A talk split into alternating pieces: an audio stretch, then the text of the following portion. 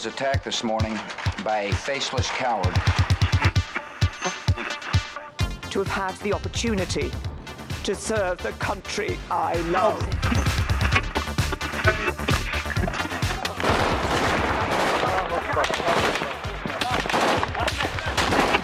Den Einsatz für Frieden und Freiheit in Deutschland, in Europa und in der Welt. We will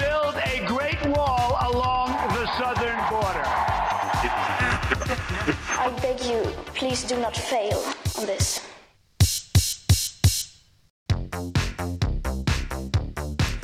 Komiði sælir hlustendur góðir þegar að hlusta á heimskviður frettarskýninga þáttum Erlend málefni. Ég heiti Guðmundur Björn Þorbjörnsson. Og ég heiti Birta Björstóttir. Eins og vennulega ætlum við að fjalla um það sem gerist ekki á Íslandi. Og það er eitt og annað. Já, það er rétt. Við gætum líklega auðveldlega fyllt þryggjartíma þátt vikulega með fréttum utan úr heimi, en það er á nógu að taka. Til dæmis fangilsis dómar yfir stjórnmálamönnum í Katalóniu hefði endalösa verkefni að koma breytum úr Evrópusambandinu eða þá staðreinda sífælt fleiri blanda sér aftur í átök í Sýrlandi eftir að Tyrkir reyðust þar inn í síðustu viku. Rétt.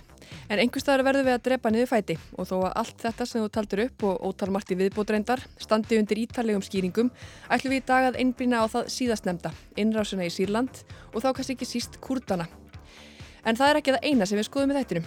Nei, aldrei ekki. Við ætlum að skoða hvers vegna allar helstu fréttastöðar Breitlands. Þar með talið móðurskipið BBC hafa fjallað ítarlega um reyfrildi á milli eiginkvenna tveggja af þekktustu knaspinnumunum landsins. Og veldum fyrir okkur hvort heimfara megi deilunar upp á Íslendikasögunar. Já, það var svona frekar óvænt frétt. En svo ætlum við líka að huga tækninni eða tækni, pólitík og viðskiptum. Hallgrímur Indriðarsson ætlar að segja okkur frá fjarskipta fyrirtæki sem hefur verið á milli tannana og leiðtógum stærstu ríkja heims. Það heitir Huawei og er kínvest en stjórnvöldi bandaríkjunum óttast þetta fyrirtæki meira en Superman óttast kryptonít. Ef ekki bara byrja þetta? Jú, gerum það. Heimskviður heilsa, fyrstu daginn 18. oktober 2019. Stuttri en afdrifaríkri innrás Tyrkja í Sýrland nánar tiltekið á landsvæði í norður hluta landsins hvar kurdar eru í meiri hluta er lokið. Að minnstakosti um stundasækir þar sem samningar náðust um vopnallíu í gær. En þessi innrás varpar ljósi á stormasamt samband Tyrkja og kurda. Augu heimsbyggðarinnar hafa verið á Tyrklandi í vikunni og verða það líklega áfram þó vopnin hafi verið lögð til hlýðar um sinn. Guðmundur Björn kynnti sér málið. جنة جنة جنة والله يا وطننا Þessi falski og heldur óskipulagði söngur er kannski ekkert sérlega fallegur en hann er enguða síður fagnar söngur. Það minnst að kosti í eirum þeirra sem hann sungu, arabískra hermana sem eru hliðhóllir Tyrkjum. Þeir eru nefnilega að fagna þeirri ákvörðun Erdóhans Tyrklandsfósetta að ráðast inn í norður hluta Sýrlands þar sem kurdar eru í meiri hluta. Dagurinn er 8. oktober, hermininnir eru í rútu á leið á Vígvöllin.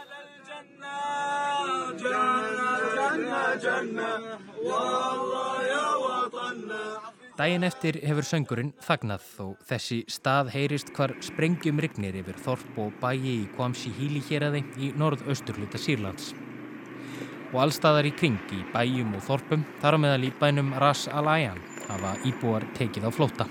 Engur er á bílum, aðrir á vélhjólu en aðrir fótgangandi.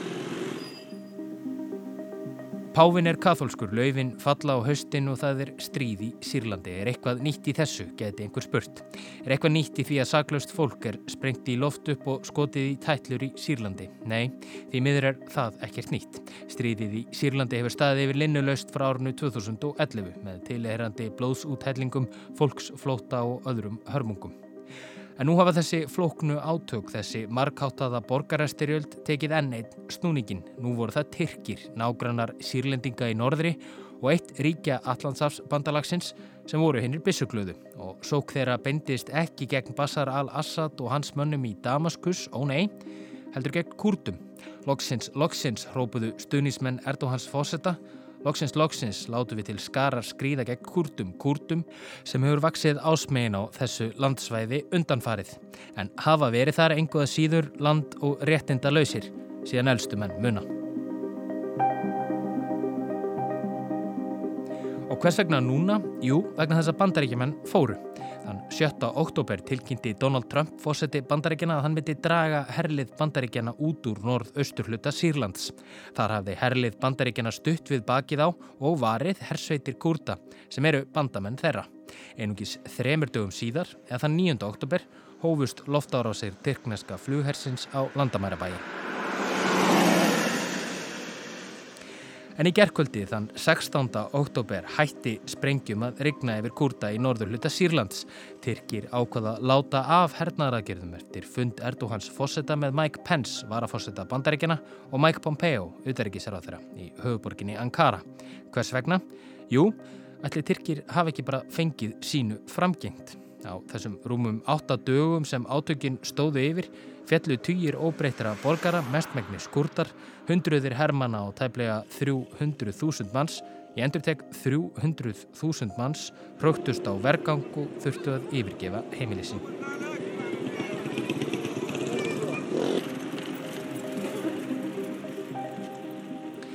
Þetta er förðuleg saga um förðuleg átök og enneitt ángi stríðsins í Sýrlandi stríði sem er hverki nærri lokið. Til að skilja betur ástæður þess hvers vegna Tyrkir reyðust inn í norðurhluta Sýrlands þann 9. oktober síðastliðin er verðt að skoða nágranna þeirra betur.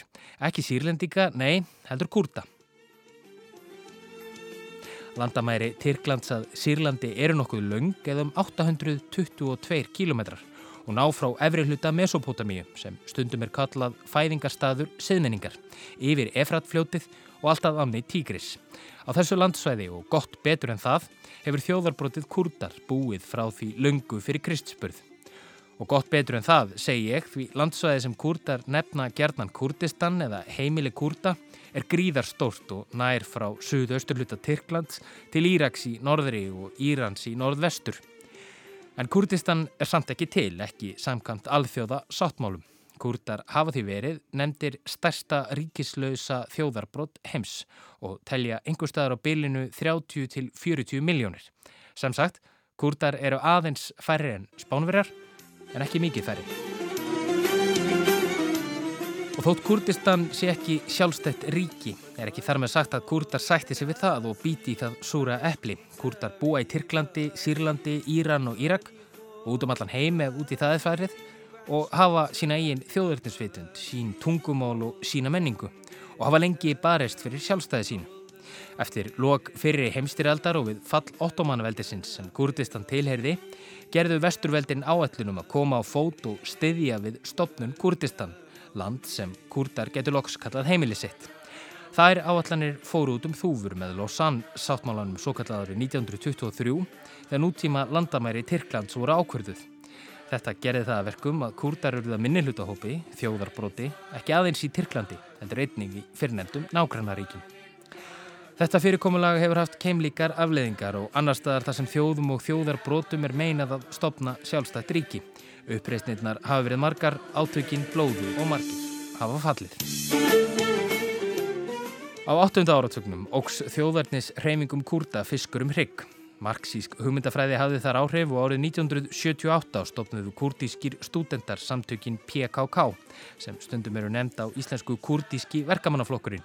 Herská samtök sem hafa frá 1984 staði í linnilausum átökum við Tyrki. Samtök sem hafa nú varpað marxískri hugmyndafræði sinni fyrir róða, samtök sem höfðu það að markmiði að stopna sjálfstætt kurdíst ríki en frá með árinu 1995 hafa einsett sér að bæta réttindi kurda innan Tyrklands. Frá með 2016 hafa samtökinn þó einsett sér að koma Erdóhan Tyrklandsfósita og flokki hans, AKP, frá völdum. Kurdar í Sýrlandi er á bylnu 2 til 3 miljónir, hefðum 10% allra íbúa landsins. Landsins sem hefur verið þjakað af stríðsátökum linnulöst frá árnu 2011 eins og fjallað var um í þriðja þætti heimskviðina. Þar kom fram að margir ólíkir hópar berjast innbyrðis í þessu stríði og því fyrir fjarrri að það sé stríð millir tveggja ólíkra fylkinga þar sem önnur sigrar en hinn tapar. Svona hildarleikir eru á ennsku kallaðir proxy war sem stundum er frekar klúðuslega þýtt sem staðgöngu eða staðgengla stríð. Það er í sjálfu sér fárónleg þýðing þar sem proxy war merkir í raun að átökinn standa ekki á milli tveggja hópa heldur hundruða ólíkra hópa sem berjast fyrir ólíkum hlutum og gegn ólíkum hópum. Sumir hópanir vinna saman að einu markmiði en gegn hver öðrum að öðru markmiði. Meðal þeirra hópa sem nefna má eru beinir þáttakendur í stríðinu í Sýrlandi eru jafn ólíkir hópar og kurdískir uppreistarmenn, hriðiverkasamtökin Íslamska ríkið og ríkistjóðnir Bandaríkjana, Rústlands og auðvitað Tyrklands og svo mætti lengi, lengi telja.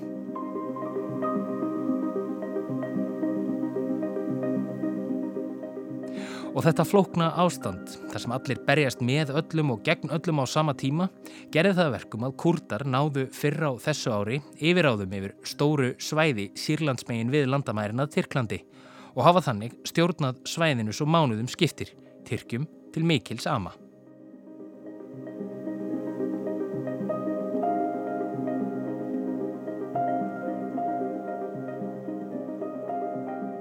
Hernaðarbandalagið Hetsen Súria Demokratík sem á ennsku hefur verið kallað SDF eða Syrian Democratic Forces, líðræðis herr Sýrlands á íslensku, fór þar fremst í flokki. SDF samanstendur aðalega af kurdískum og arabískum uppreysnarmönnum og vinnur undir þeim formörkjum að koma á fót líðræðislega kjörinni stjórn í Sýrlandi. SDF er einn ángi af EPG, varnarsveitum kurda, sem frá árinu 2015 hafa náð, með digri aðstóð bandarækjamanna, að rekja vígamenn Íslamska ríkisins burt frá stórum landsvæðum í norðurluta Sýrlands og þannig náði SDF yfiráðum á þessu svæði. En nú flækist málið og hlusti nú vel.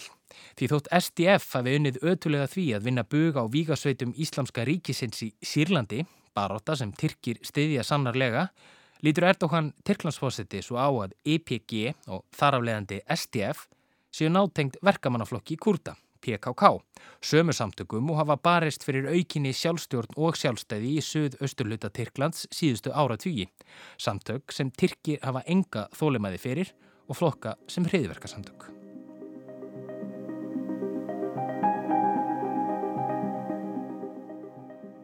Aukinn yfiráð kurda í norður hluta Sýrlands hafa því ekki farið vel í tyrknesk stjórnvöld. Allt frá því kurdum fór að vaksa ásmegin í norður hluta Sýrlands hafði Erdogan Tyrklandsfósiti hótað hernaðaragerðin við landamærin. Ekki vegna þess að honum væri svona illa við kurda, nei, það var ekki ástæðan, heldur til þess að búa til svo kallað örugt svæði sem á að ná um 30 km inn í norður hluta Sýrlands. Á þessu svæði vildi hann koma fyrir um tveimur miljónum af þeim tæplega fjóru miljónum sírlenskara flóttamanna sem hafa flúið yfir til Tyrklands síðustu ár. En nú er verðt að spyrja, er þetta ekki bara fyrirsláttur í fossatanum og er það ekki vera PKK og kurda almennt á þessu svæði sem fekk hann til að vilja ráðast inn í Sýrland? Hann veit kannski svarið við því, en ljóst var að eftir margra mánada hótanir Erdóhann sem að brátt færi hann og tyrkneski herin að grípa til aðgerða á landamærunum, gerðu Tyrkir og bandaríkin með sér samkómulag í ágúst á þessu ári. Samkómulagið hvað á um að myndað erði svo kallað hlutlöst svæði í norður hluta Sýrlands, þar sem bandaríkja herr, Tyrkir og STF liðar innu saman og heldu friðin. Bandaríkin og STF, eða kurdar, voru sáttir við samkómulagið en ekki er þetta að segja þið sama um Tyrki sem ítrekkað reyndu hvað þeir gáttu til að gera sig breyðari á hlutlösa svæðinu með litlum árangri. Tyrkir vildu STF burt og gremja Tyrkja jógst. Loks setti Erdogan kurdum stólinn fyrir dyrnar í september síðastliðnum. Kurdar fengu tveggja vekna frest til að einfallega koma sér burt og leifa Tyrkjum að sjá um svæðið alfarið. Í augum Erdogans virtust bandarækjumenn hafa meiri áhuga því að skapa örugt svæði fyrir hriðiverkamenn, það er Kurda og PKK, heldur en Tyrki. Erdogan tók þá af allan vafa um hvað Tyrkir hefðu í heggju tveimur til þremur miljónum sírlenskara flótamanna er þið komið fyrir á þessu svæði með góðu eða yllu. Örugt svæði skildi myndað og það er þið á fórsöndum Tyrkja. Þann fyrsta oktober var fresturinn liðin og ekkert hafði breyst. SDF var ennþá á landamærunum og naut verndar bandaríkihers. Eitt góðan veðudag árið 2006 ákvað George Tjöfaldhoff Bush þá orðandi bandaríkjafósiti að leggja niður herstuð bandaríkjana á keflagulugulli.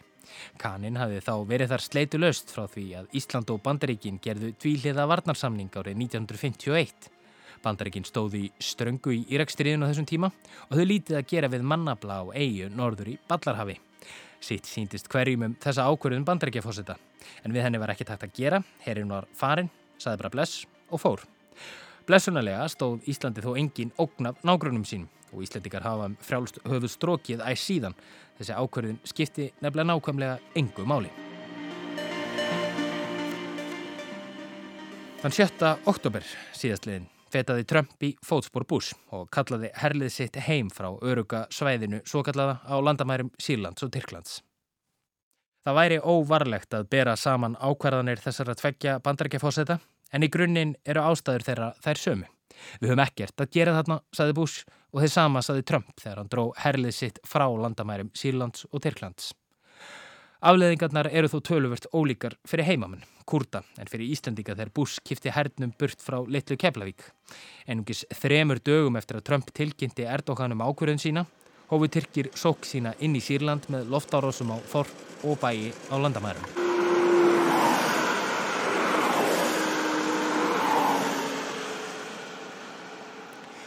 Viðvera bandaríkja hers álandabaranum hafði varið SDF og alla þá kurda sem búa á svæðinu fyrir mögulegri innrás Tyrkja, innrás sem Erdogan hafði hótað statu stöðu síðustu mánuði. SDF voru jú einmitt bandamenn bandaríkja manna í baráttunni gegn vígasveitum Íslamska ríkisins og nú var svo vörð farin og Tyrkir fengu greiða leið inn í Sýrland og greiðan aðgangað uppreistnarsveitum kurda. Átökin stóðu yfir í jamt og þétt frá 9. oktober en er nú lokið í byli nálar um það á eftir. Þrátt fyrir að Erdogan hafi fyrst og fremst viljað koma sírlenskum flóttamönnum fyrir á þessu svæði, blasir við að innrás Tyrkja inn í norður hluta Sírlands er árás á kurda sem barist hafa fyrir tilverurétti sínum áratugum saman. Ákvörðun Erdogans hefur mætt harðri gaggríni alþjóðsamfélagsins, ekki síst fyrir þær sakir að auðvelt tekir að sjá í gegnum hana. Tyrkir voru einfallega í dauða færi til þess að ráðast á óvinni sína í PKK. Ákvörðun Trumps markaði sömulegis vatnaskil í stefnu bandaríkjamanna í Sýrlandi þar sem Tyrkjum að Berlínis gefið grænt ljós til þess að ráðast á hersveitir kurda sem bandaríkjaman hafa hingað til stutt. Í yfirlýsingu frá bandaríkjastjórn kom fram að bandaríkin þvoi hendur sínar af öllum mögulegum átökum sem kunni að eiga sér stað í kjölfarið. Þeir hafi gert sitt og verki þeirra sér lokið. Bandaríkjaherr mörg forki stiðja einrásina nýja á nokkund hátt vera hlutafenni. Eftir að hafa borðið sigur úr bítum gegn Íslamska ríkinu er vinnu bandarækja hers lokið á svæðinu, segir í yfirlýsingunni. Það hefur dunið á ymsu síðan bandaríkinn drói herlið sitt tilbaka frá landamærunum. Hersveitir Tyrkja og sírlenskra bandamanna þeirra sóttu fram gegn SDF og öðrum kurdískum uppreisnarhópum af miklum krafti og talið er að minnstakosti tæplega þúsund herrmenn og uppreisnarmenn úr stríðandi fylkingum hafi látið lífið í átökunum og í kringum hundrað óbreyttir borgarar. Í kringum 300.000 óbreyttir borgarar hafa neðist til að yfirgefa heimilisín. Og sjálfur Donald Trump, maðurinn sem ber jú höfuð ábyrð á innrásinni, ef frá er tekin Erdókan Tyrklandsfósetti, reyndi hvað hann gatt til að hvít þvó sig og fyrra sig ábyrð. Sama dag og Tyrkir reðust inn í Sýrland sendi hann kollega sínum Erdókan bref, þar sem hann kvatti hann til að ráðast ekki inn í landið. Þrátt fyrir að hafa aðeins nokkrum dögum áður dreyið herlið sitt tilbaka og beinlýnis greitt leiðina fyrir Erdókan inn í Sýrland. Þar hótaði hann Tyrkjum frekari viðskiptaþungunum ef Erdóhan leti til skara skrýða. Sagan mun líta á þig í jákvæðuljósi ef þú gerir þetta rétt og mannlegan hátt, segir Trump í brefinu, sem hefur vægast sagt óvinnulegan stíl af fósettabrefi að vera. Ég mun um aldur og æfi líta á þig sem djöfulinn sjálfan ef góðir hlutir gerast ekki. Ekki vera harðjagsl, ekki vera astni. Ég ringi því síðar, skrifaði Trump ennfremur. En setnipartin í gær dró enn og aftur til tíðinda þegar frettir bárust að því að samið hafi verið um vopnalli. Erdókan Tyrklandsfósiti átti fund með þeim nöfnum Mike Pence og Pompeo, varafósita og þeirra bandaríkina í höfuborginni Ankara. Today uh, I'm proud to report, thanks to the strong leadership of President Donald Trump and the strong relationship between President Erdogan and Turkey and the United States of America. Þakk sé diggri handleðslu Donalds Trump og því góða sambandi sem hann á við Erdogan fósetta Tyrklands hafi tekist að semja um vopnallið, segir Pence. Pence var kannski búin að gleima brefinu góða sem Trump sendi Erdogan fyrir nokkrum dögum. Brefi sem Erdogan saðist sjálfur hafa sendi ruslið. En nokkri dagar eru vist langur tími í pólitík og Trump allar í kjölfarið að aflétta viðskiptaþingunum á Tyrkland. Samið var um fimm daga hlið á átökunum. Það hlið verður að varanlegu vopnalið, drægi hersveitir SDF og EPG sig tilbaka af örga svæðinu svo kallaða. Gerist það ekki, halda átökin áfram. Kurdar hafa fallist á vopnalið og næstu dagar munu leiða í ljós hvort þessi fletta gangi upp. Maslum Kobane, hersöðingjur röðum SDF, staðfesti þetta við frettamila í gær. Mevlut Cavusoglu, auðverkisráð þeirra Tyrkja, þvertók fó í gerkvöld fyrir að samkómulagið fæli í sér eiginlegt vopnallið. Þetta væri fyrst og fremst hlið á átökum þar til hriðiverkamennir, svo kalluðu, eins og hann áraði það. Það eru hersveitir IPG og SDF yfirgefu svæðið.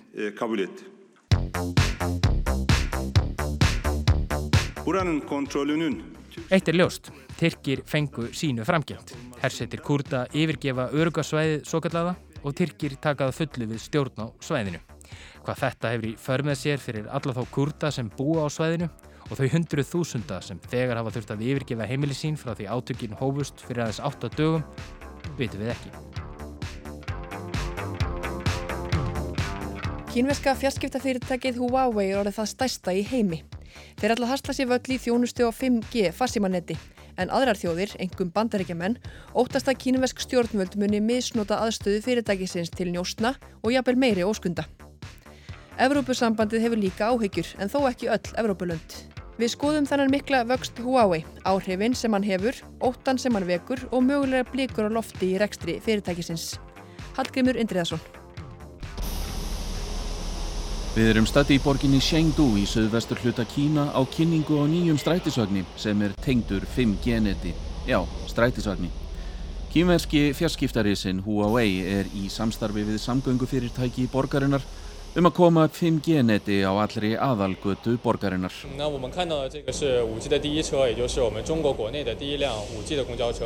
sem við sjáum hér er fyrsta aukutækið og fyrsti strætisvagn Kína sem keirir á 5G-neti, segir Xiao Seiyo, sem sér um 5G-netið hjá strætisvagnunum.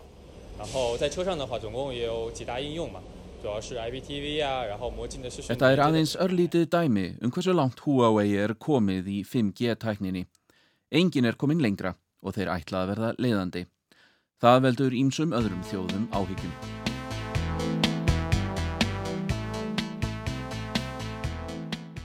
Huawei var stopnað árið 1987. Stopnandin heitir Ren Xiangfei. Hann er verkfræðingur og vann áður sem tæknimaður í hernum. Hann þótti snjall í allskynns tæknilausnum en fekk eins og er aldrei að ganga í kínverska kommunistaflokkin þar sem foreldrar hans höfðu starfað í öðrum stjórnmálaflokki Kuomintang eða kínverska þjóðerninsflokknum.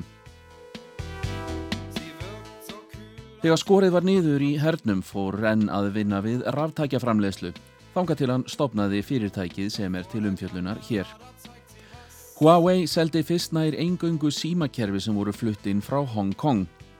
Á sama tíma var farið í mikla rannsóknir með það að markmiði að fyrirtækið gæti þróað og selt sína eigin tækni. Huawei hóf sölu á eigin símakerfi árið 1993 með góðum árangri.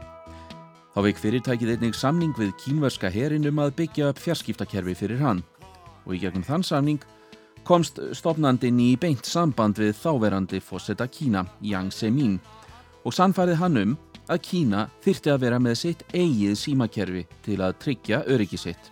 Yang tók undir það.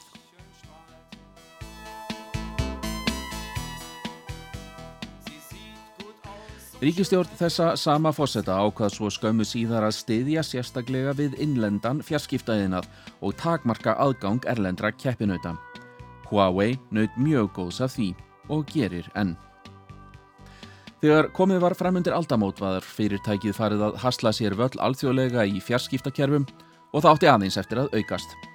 Um miðjan síðasta áratug var Huawei komið í samstarfið alþjóðlega fjarskiptafyrirtæki á borð við Vodafone og British Telecom.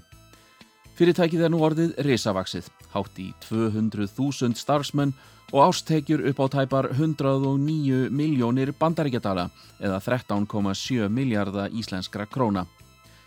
Fyrirtækið er stæsta fjarskipta fyrirtæki heims og framleiðir næst flesta snjálfsíma í heimi á eftir Samsung, seldi 200 miljónir snjálfsíma á síðasta ári. Já, þeir eru stærri en Apple á snjálfsímamarkaðum. En umræðan um Huawei síðustu árin hefur einhver verið um áallanir þeirra um að hasla sér völl í tækni tengdri næstu kynnslóð farsímanets 5G. Smáatriðin í þeirri tækni verða ekki útskýrð hér en aðal munurinn á henni og 4G er mun meiri hraði og með því geta öll möguleg ráftæki verið nettengt nokkur sem 4G-tæknin ræður ekki við. Tengingin er hundrað sinnum hraðari en 4G-tenging Öll tæki geta verið nettengt allt frá kaffivélinni til fjölskyldubílsins. Hægt er að horfa á bíómynd í toppgæðum án tröflana, læknar gera skurðaðgerðir þúsundir kílometra frá sjúklingnum með aðstóð róbóta og svona mætti lengi telja. Þetta verður algjör bylting. This is Huawei Now, I'm Suzy. According to the latest data, Huawei has signed more than 50 5G commercial contracts and shipped more than 200,000 5G base stations around the world. Huawei ætlaði sér frá upphafi að vera leiðandi í uppbyggingu á þjónustu og búnaði byggðum á þessari tækni og hefur þegar stíð stór skrefi í þá átt.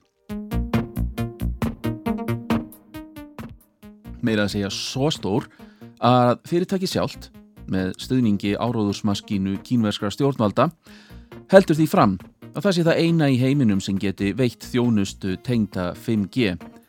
Búnaður frá fyrirtækinu er ekki notaður, verður ekki hægt að tengjast 5G. Þetta eru skilabóðin. Til þess hefur að sjálfsögðu þurft að semja við önnur löndum að koma slíkri þjónustu upp. Og nú hefur Huawei náðum 50 þjónustusamningum við fyrirtæki í 30 löndum. 5G is on. This is the beginning of a new era. And it's time to seize the opportunities. Í september fór svo fyrirtækið af stað með auglýsingaherferð í Evrópu, kjósið 5G, sem þýður auðvitað að velja Huawei. Það sé eina leiðin til að komast í þessa tímamóta tækni. 5G will inspire the future in unimaginable ways.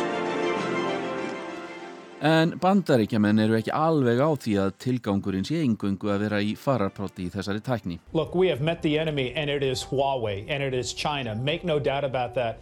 You know, right Við höfum hitt óvinnin og hann er Huawei og Kína, saði Morgan Wright, neturiki sérfræðingur meðal annars í viðtali við Fox sjónastöðina. Guess what? It's built in for cyber spying, for cyber espionage because that's what the Chinese do. Huawei er nú með ótakmörkuðu fjármagni frá kínvesku ríkistjórninni að nýta tækni sem er gerð fyrir njóstnir á netinu.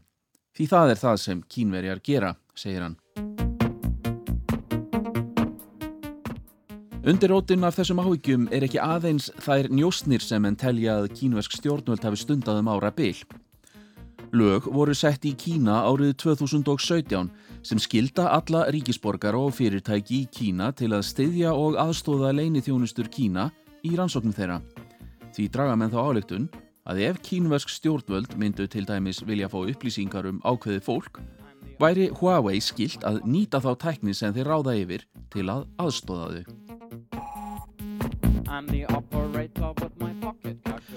Huawei hefur staðfastlega neitað því að stunda nokkra misnótkunn á upplýsingum. Nú síðast saði Ren Chengfei, stopnandi fyrirtækisins og stjórnarformaður í viðtali við finska ríkisjónvarpið, að slíkt myndi einungi skrafa undan fyrirtækinu og rýra tröstið sem það hefði skapað í 30 ár.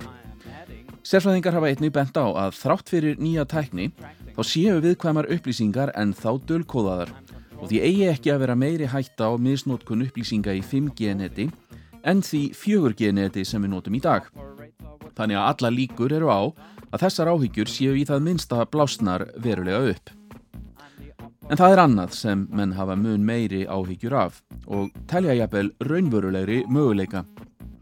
Samfélagið hefur reykt sig sífælt meira á tölfur og nettækni og þegar 5G-tæknin verður komin eiga þessar tölfur samskipti um það nett en líka fleiri tæki eins og kaffivélar, bílar, eldavélar, jafnvel brauðristar og svo framvegis. Við verðum með öðrum orðum enn háðari þessu netti en 4G-nettinu. Áhyggjur manna hafa beinst að því að ef Huawei rekur stóran hluta af 5G-netti heimsens, getur kínversk stjórnvöld auðveldlega skipað fyrirtækinu að búa til ingang baktir að meinað netinu sem myndi þýða að auðveld væri að gera netárás á þá sem tengdust því. Stefani Herr, tæknisérfræðingur, bendir á að í framtíðinni verði stríðsregstur ekki háður með vopnum. The future of warfare is most likely going to be cyber, so without firing a shot, you could take a country out. Stríðsregstur verður í framtíðinni í netheimum, þannig að það er hægt að taka heilt land úr umferð án þess að hleypa af einu einasta skoti. Og það er einmitt þetta sem margir óttast að kínverjar geti gert ef Huawei verður of umfangsmikið í netheimum.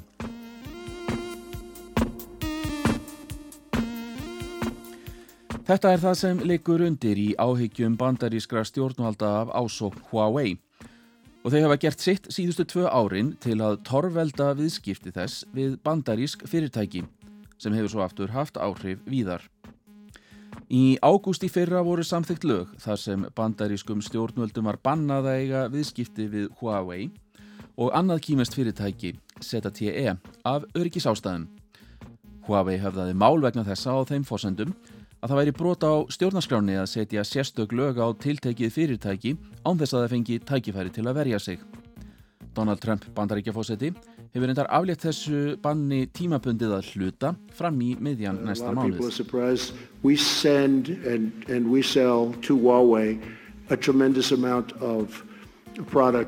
That goes into the various things that they make and I said that that's okay that we will keep selling that product. These are Í desember í fyrra var Meng Wanzhou varaformaður stjórnar Huawei og dóttir stopnandans Ren Zhengfei handtekinn í Kanada að beðinni bandarískra yfirvalda fyrir að brjóta viðskiptabann gegn Íran með því að eiga viðskipti þar í gegnum lepp. Ekkert sannaðist og Meng var sleft tíu dögum eftir að hún var handtekinn. Hún var svo ákerð en engin réttarhöld hafa farið fram. En það sem er líklega að valda Huawei mestum vandraðum er að í júni setti viðskiptaráð bandarækjana Huawei á sérstakann lista yfir fyrirtæki sem áttu að hafa brotið viðskiptabann við Íran. Þetta þýtti að bandarísk fyrirtæki máttu ekki eiga í viðskiptum við fyrirtækið án leifis bandarískra stjórnvalda. Í kjölfarið hættu mörg bandarísk fyrirtæki viðskiptum við Huawei, þar á meðal Google, sem gerði það verkum að nýjir símar frá Huawei gáttu ekki lengur kert á Android stýrikjörfinu eins og símatnir hafa hingað til gert. Þetta hefur ekki haft áhrif strax þar sem bannið tók ekki til síma sem þegar var byrjað að selja. Huawei Mate 30 síli,搭载麒麟990旗舰芯片. Huawei sendi frá sér fyrir skömmu snjall síman Mate 30 fyrsta síman sem keirir ekki á Android og sá sími hefur fengið góða dóma. Fyrirtækið hefur enda líka kynnt annan síma Nova 5T sem á að byrja að selja í Evrópu í november og keirir á Android kerfi. Þeim tókst að tryggja sér það áður en bannið var sett á.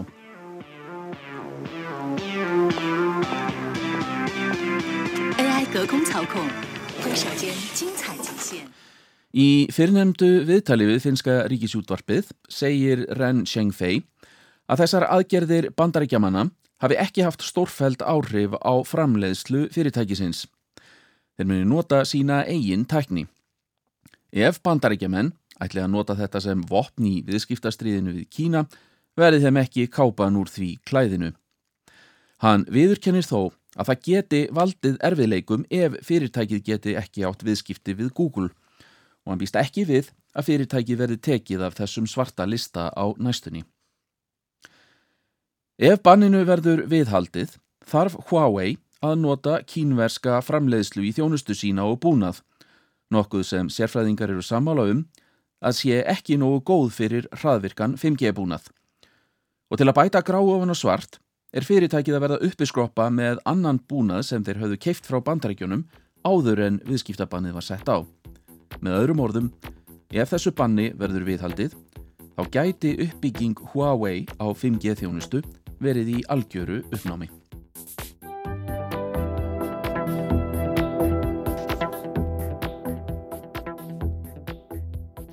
En það er ekki aðeins bandaríkin sem spórna við sölu Huawei á búnaði fyrir 5G net. Það gera Evrópuþjóðir líka. Í nýlegri skýslu frá Evrópusambandinu er varað við að samspil nýrar tækni og 5G nets auki hættu á að fjandsamleg ríki geti náð stjórn á mikilvægum innviðum, samgöngum og jafnvel löggæslu. Þar er vísað í ábendingu sérfræðinga sem sagtar frá hér áðan um að hægt væri að lama 5G-net heilu þjóðana. Korki Kína nýje Huawei er nefnd beint, en sagt að fjandsamleg ríki geti sett pressu á fyrirtæki sem bjóða upp á 5G þjónustu til að auðvelda netárásir sem þjóni hagsmunum þessara ríkja. Mögulegar hættur eru meðal annars að auðveldara verði að gera netárásir, bæði af því að leiðirnar verða auðveldari og að þeim fjölgi því fleiri tæki verða nettengt.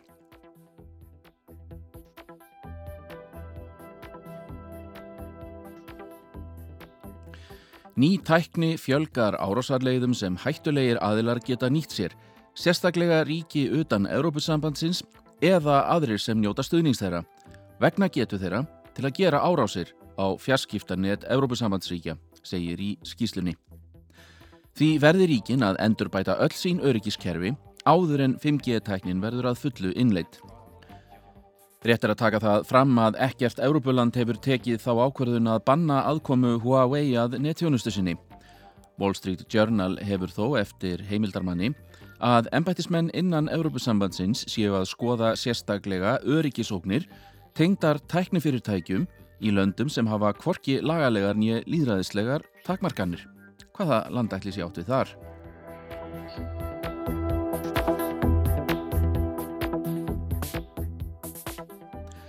Frankvæntastjórn Európusambandsins hefur gefið ríkjum sínum eitt ár til að meta hvort grípa þurfi til sérstakra aðgerða.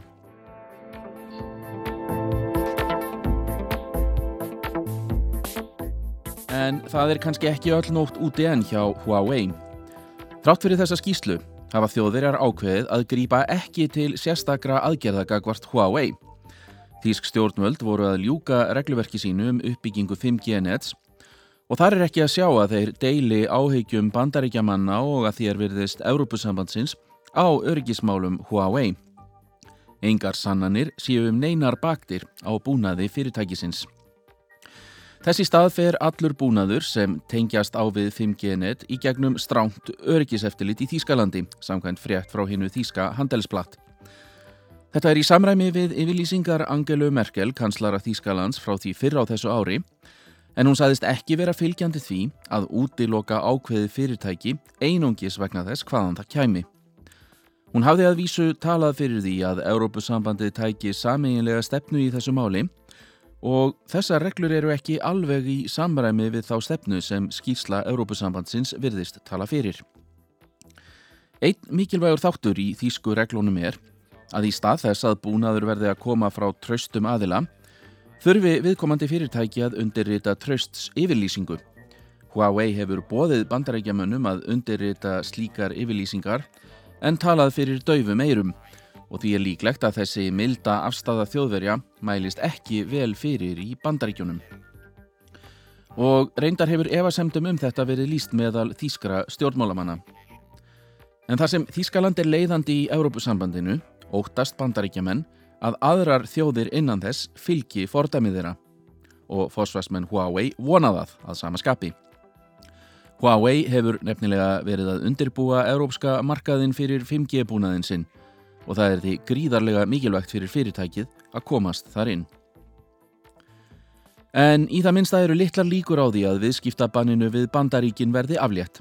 Undan þáur frá því renna út um miðjan næsta mánuð og verðist fátt benda til þess að þær verði framlengdar.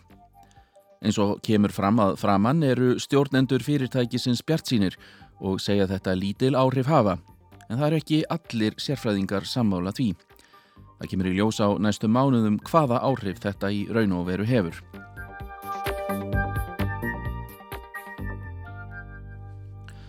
En hvað sem gerist, þá er ólíklegt að kínverjar snúi baki við þessu flagskipi sínu.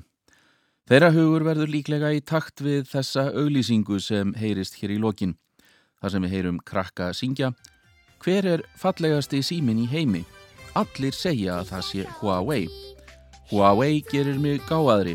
Kennararnir kenna mér að elska landið mitt, heima gera síma, elska Huawei.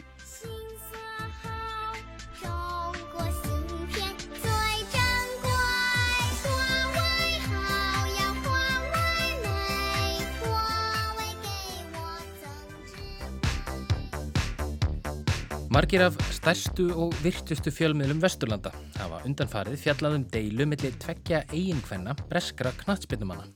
Um hvað snýst þessi deila og af hverju eru miðlarnir og við að fjalla um það að einhverjum tveimur konum út í heimi hafi sinnast. Birta Björnsdóttir á síðustu fréttaskýringu heimskuðina að þessu sinni.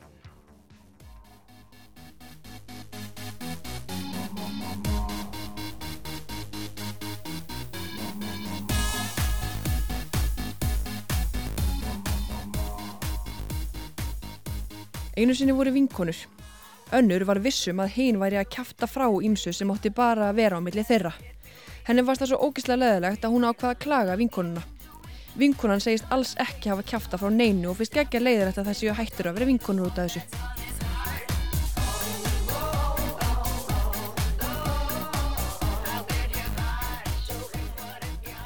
Þetta hljómar kannski ekki eins og saga sem breska ríkisútvarpið BBC Sky, Guardian, CNN og talsvert fleiri fréttastofur sem njóta alla jafna bísnað mikillar virðingar myndu endilega taka til umfyllunar.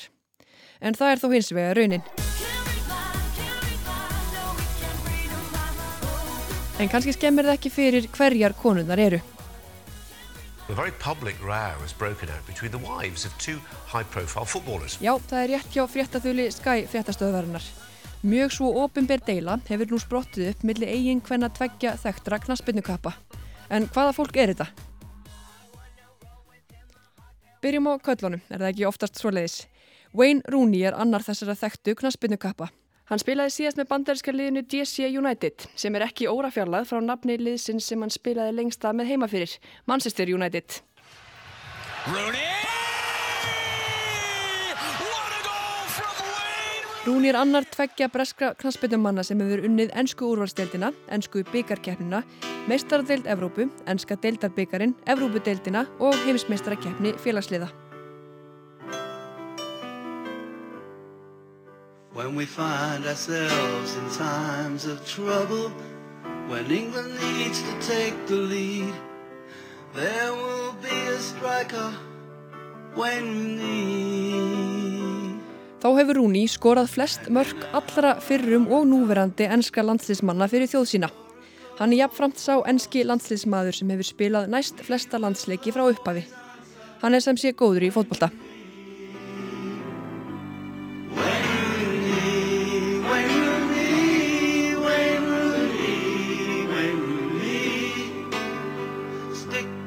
Í gagfræðaskóla kynntist Wayne stúlku að nafni Colleen McLaughlin. Þau gifti sig árið 2008 og síðan hafa Rúni hjónin eignast fjóra sinni. Colleen hefur meðal annars starfað sem pislahöfundur og sjómaskona. Hún hefur gefið út bækur, meðal annars æfisögu sína þegar hún var 21 ás, en einnig bækur um tísku. Þá hefur hún leikið í auðlýsingum og gefið út líkamsrektarprogram.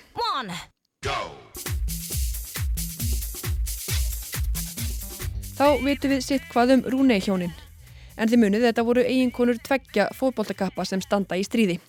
Svo við skulum aðeins kynna okkur hina fjölskyldina líka. Það eru Vorti hjónin.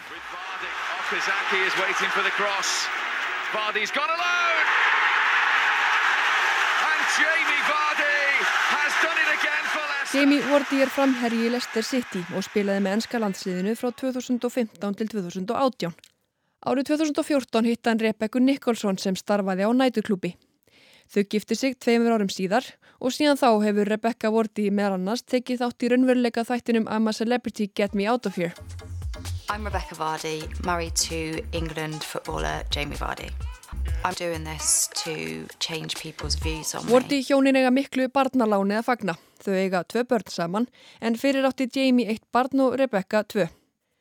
Það er Rebecca og Colleen til er að tiltöla ný nefndri stjætti í Breitlandi sem kallast WAG, tvöfalt af AG, skamstöfunir fyrir Wives and Girlfriends, eiginkonur og kærustur.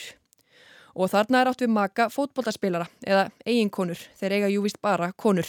I dislike the WAG term, I think it's very dated, um, it doesn't offend me. Rebecca segist reyndar sjálf ekki skilgrina sig sem einast líka. But that's not who I am and it doesn't define me. Henni finnist hugtækið gamaldags og að það segi ekkert um hana sjálfa. Þeir Wayne Rooney og Jamie Wardy eru eða voru félagar. Þeir eigaði baki ótal landsleiki saman, voru meðal annars báðir í enska landsliðinu sem það íslenska vann á Evrópumótunni í Fraklandi árið 2016. Rúni skoraði fyrsta og eina mark einlendinga í leiknum úr viti en Íslendingar skoruðu tvö. Það þarf líklega ekki að segja ykkur þetta. Ísland 2, England 1. Heldur það myndu einhvern tíman heyra þetta? Ísland 2. Vorti sagði síðar að þessi leikur hafi verið það versta sem hann hefur lendi á gjörföllum knaspinnuferlinu.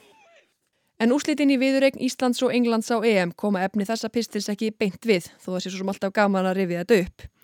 Nefna kannski við skoðum frétt frá The Times frá 2016 þar sem sagt er frá því að fyrirliðin Rúni hafi beðið liðsfélaga sína að hafa heimila á samfélagsmiðlanótkun maka sinna og ofinberum sterkum skoðunum á mönnum og málefnum á meðan á EM stóð. Þar voru Jamie og Rebecca Wardy sérstaklega nefnd á nafn en Rebecca þótti fara heldur mikinn á samfélagsmiðlum á meðan á keppninni stóð.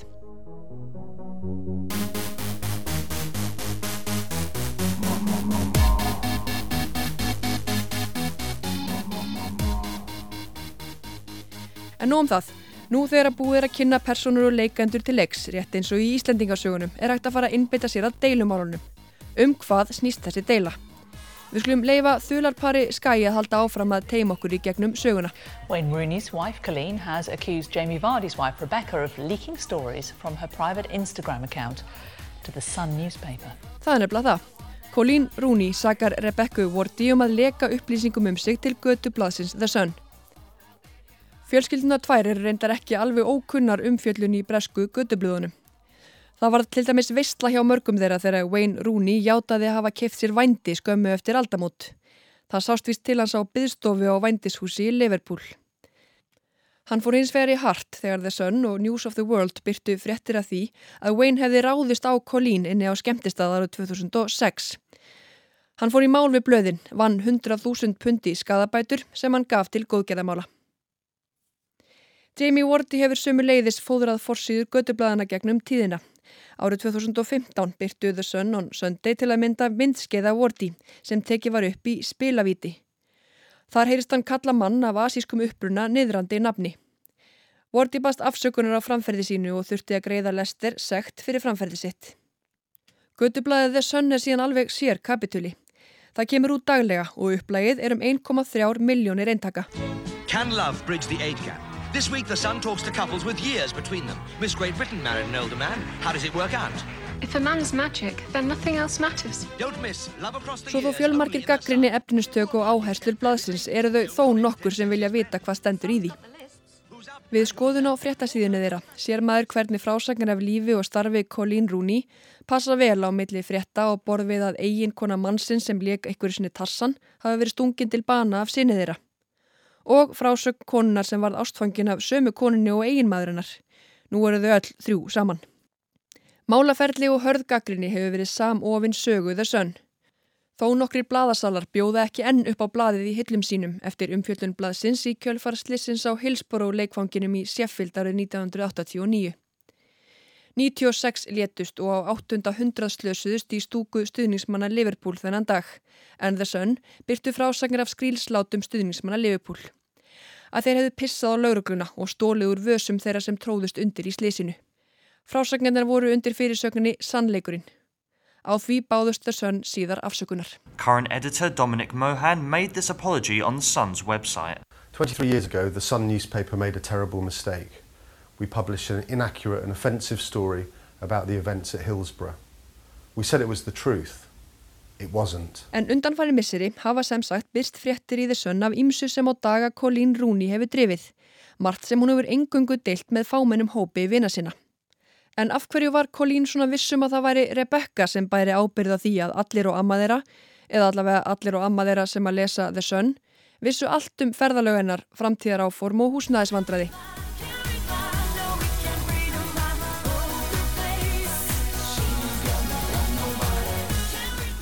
Fyrir rúmri viku síðan byrtist Twitter-fæsla Colin Rooney sem kom þessu öllu af stað.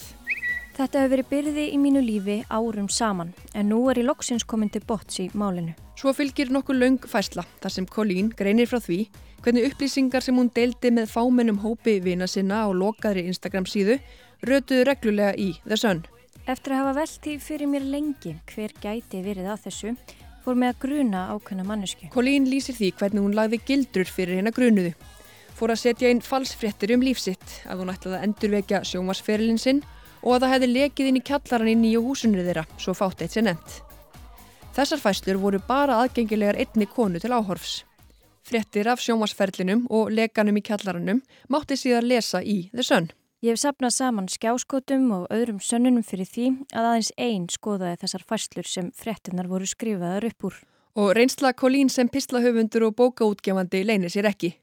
Fæslan er bísna spennandi og endar eins og allar góðar glæpasögur á því að upplýsa um hver er vondikallin eða kettlingin. Það var Rebecca Orti.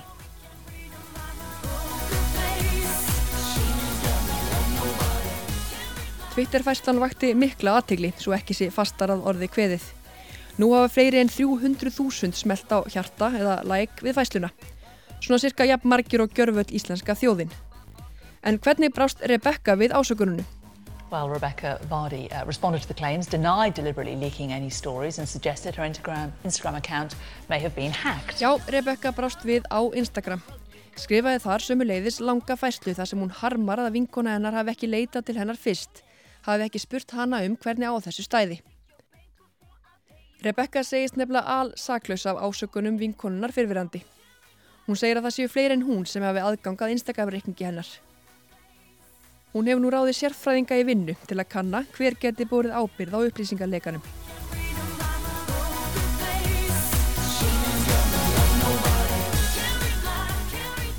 Hér verður svo ekkert endilega farið í sauman á hver hefur sagt hvað síðan og hver er í liði með hverjum en það er af nógu að taka.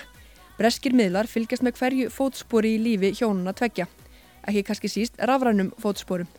Þannig mun Jamie Wardy vera hættur að fylgja Wayne Rooney á öllum samfélagsmiðlum, segja þau sem til þekkja. Þannig að þetta er þessi deila í svona grófum dráttum. Og eins og fyrr segir þá hafa margir að virðulegustu fjölmiðlum Vesturlanda fjallaðum ósættið, þó margir hafa reyndar gert það á heldur gamansum um nótum. Þannig segir í frétt CNN um málið að týst Colleen Rooney mætti líka við bissukúluna sem varð erki hertoganum Frans Ferdinand að bana árið 1914 og hratt af stað fyrri heimstyrjöldinni. Styrjöldin nú á 21. öldinni væri þá ekki kölluð World War I upp á enska tungu, heldur Wag War I. Ég læti ykkur um að reyna að snara þessu yfir á íslensku. Netflix týstu sömu leiðis að þau þyrtu líklega að ráðast í gerð heimildamindar um málið. En þegar það er verið að ráðast inn í lönd, þegar að hamfara hlínun vofir yfir jörðinni og eitt þriðji barna í heiminum býr við vannæringu, af hverju er það yfir höfuð umfyllunarefni að einhverjum konum út í heimi sinnist? Við því er kannski ekkert eitt gott svar. Kannski eru breytar innfallega svo áfjáður í að tala um eitthvað annað en Brexit. Brexit kannski er það fjölumila umfyllunin og vinsældir hennar, muniði 1,3 miljónir eintaka af The Sun dag hvern sem stýrir því að mörgum finnst að koma sér við hvað drýfur á daga þessa ágæta fólks sem fæst okkar hafa hitt. Og mörg þeirra hafa sér fátt til fræðarunnið nema að eigast maka sem spila fótbolta.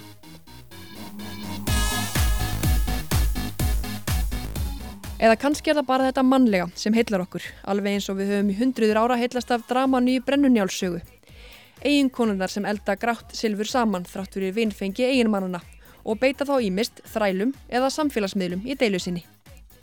Þá er það bara spurningin hvor þeirra er Hallgerður Langbrók.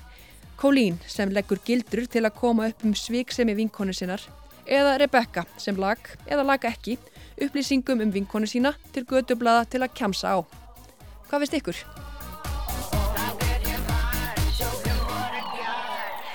Já, ekki tristi ég mér til að svara þessari spurningu byrta og ekki heldur hvort þeirra Jamie Wardy eða Wayne Rooney sé Gunnar á hlýðarenda eða hvort þeirra sé Njáll á Bergþórskóli. Við skiljum ykkur eftir með þannan höfverk, kæru hlustendur. Já, þetta verður svona geturinn vikunar.